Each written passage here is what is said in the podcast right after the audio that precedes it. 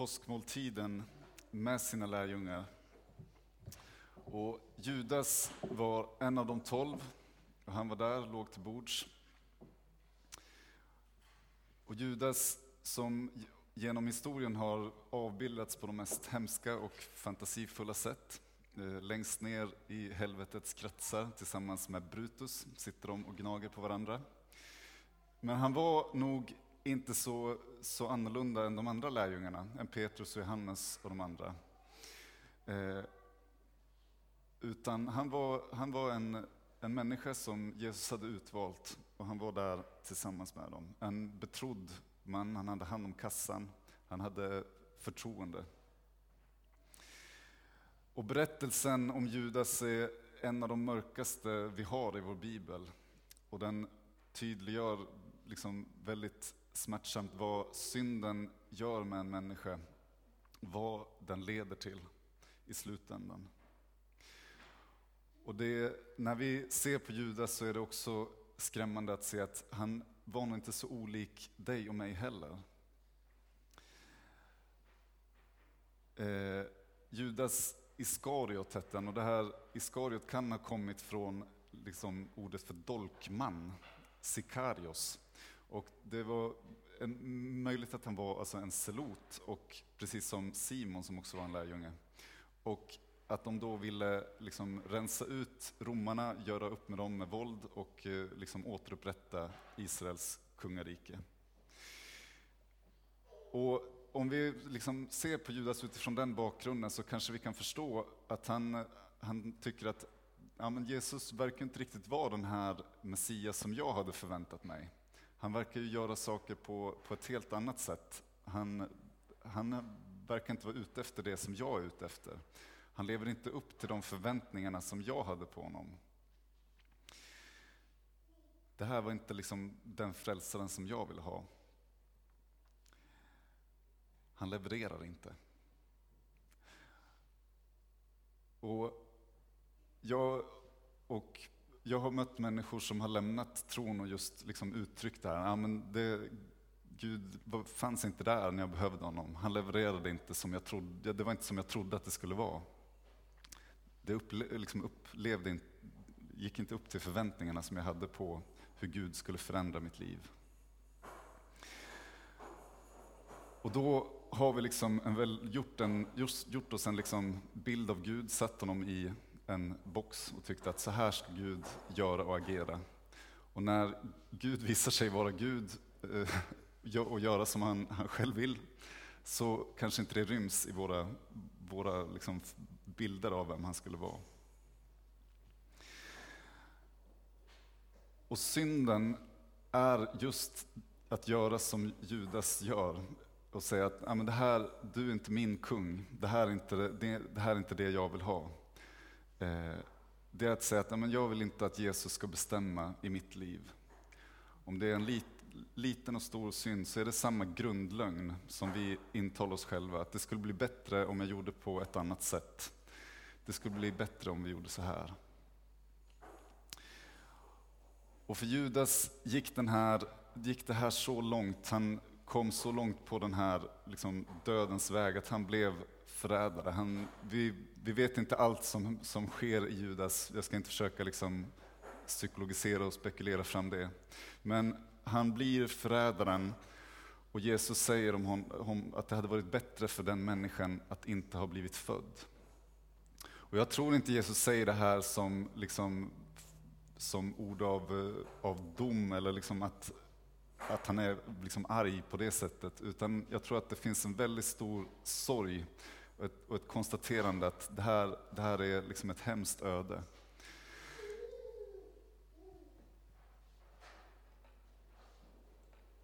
Och Jesus talar om att leva i mörkret.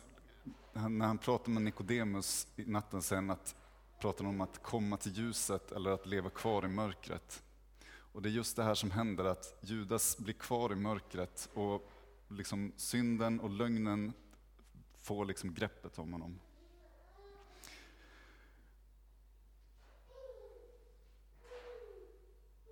Men jag tror att det största problemet som Judas hade var inte att han förrådde Jesus. Det är liksom kanske, den, kanske det värsta vi kan tänka oss, att eh, inte bara att svika någon, men att också utge sig för att älska någon, att stå någon nära. Och med en kyss så förråder han Jesus. Med ett tecken på kärlek, på vänskap, så förråder han Jesus. Men jag tror inte att det var det största problemet som Judas hade. Och vi lite längre fram så kan vi läsa om, om vad som händer när han inser vad som sker med Jesus och han liksom ångrar det han har gjort. Eh, och han går tillbaks till översteprästerna och de äldste och så vill han liksom lämna tillbaks de här pengarna. Och han säger, jag har syndat och förrått oskyldigt blod. Och de svarar, vad angår det oss? Det är din sak. Och han kastar iväg pengarna och sen går han och hänger sig. Han såg ingen annan utväg. Han trodde att han, liksom, han, han stod utanför någon chans till att få nåd, att få förlåtelse, att få upprättelse. Och det blev för stort för honom att hantera. Och det tror jag var ett större problem. Det är ett värre öde än den största synd vi kan tänka oss. Att tro sig stå utanför Guds nåd och agera på det. Och Det här är samma grundlögn som djävulen vill intala oss alla hela tiden. Skulle du duga? Skulle Gud vilja ha med dig att göra? Tror du att Gud vill ha en sån som dig?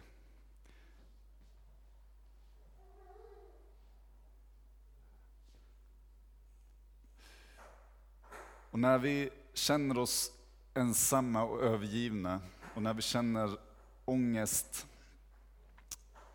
och oro, då ska vi komma ihåg Jesus som i Getsemane upplevde ångest intill döden och som på korset ber min Gud, min Gud, varför har du övergivit mig?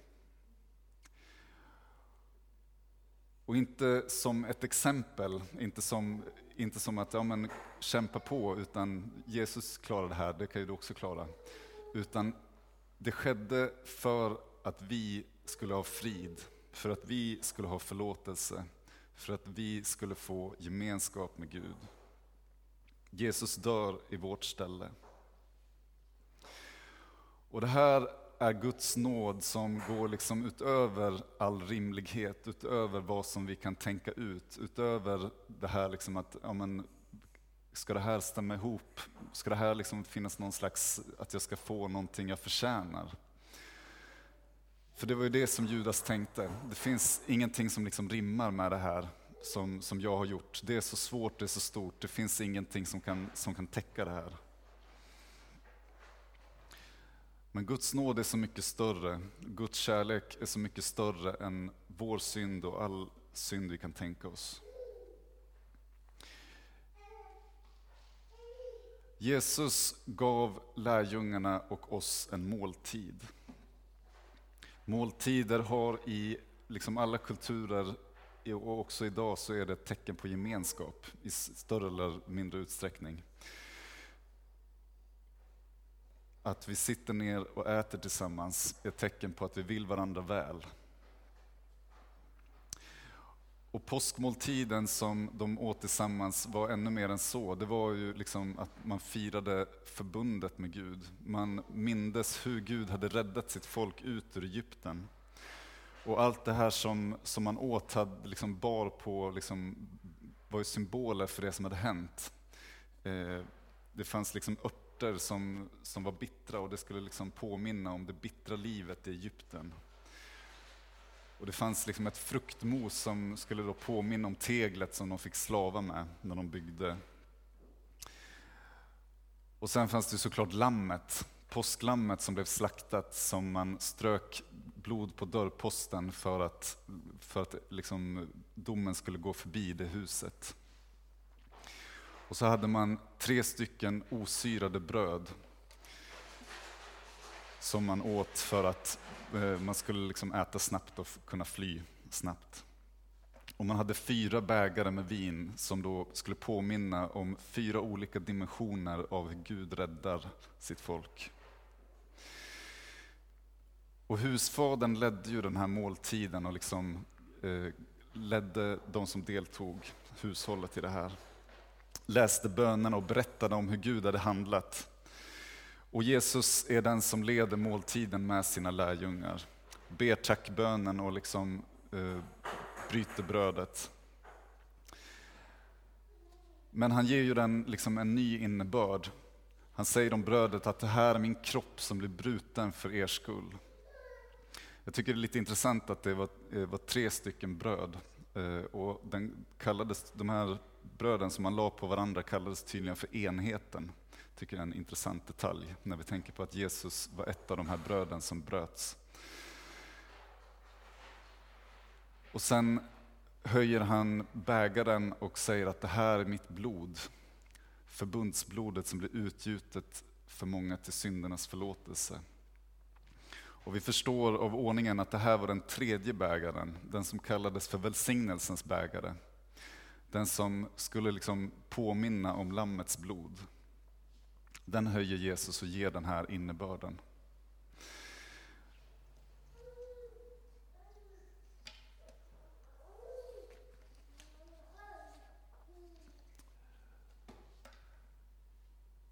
Och Jesus vill ju med det här säga att jag kliver in och låter mig offras för er skull. Jag är det lammet som täcker all synd.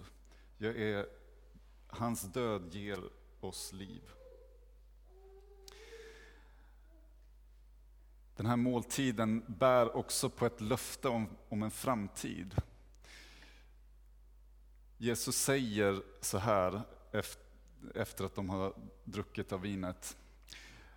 Sannerligen, aldrig mer ska jag dricka det vinstocken ger förrän den dag jag dricker det nya vinet i Guds rike.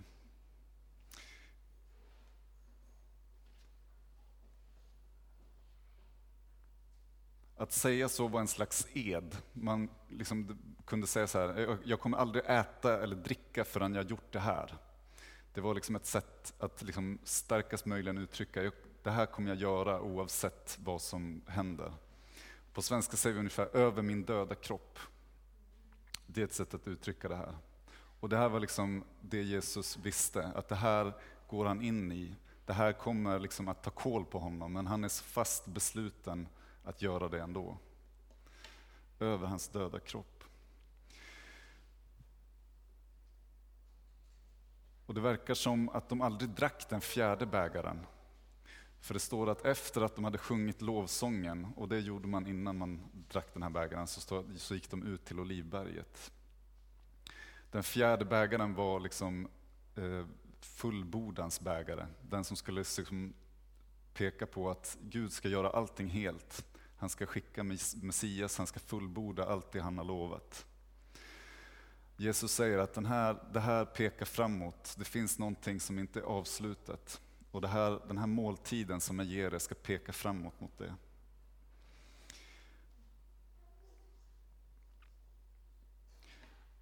Så när vi ska fira nattvard så ska vi komma ihåg att det finns förlåtelse för all synd som vi har begått. Det finns upprättelse trots att vi liksom känner oss helt krossade och förstörda. Det finns ett löfte om en upprättad gemenskap med andra och med Gud. Och han har gjort det här för vår skull för att ge oss liv, liv i överflöd. Och nu ska vi få komma inför Gud och be och bekänna vår synd.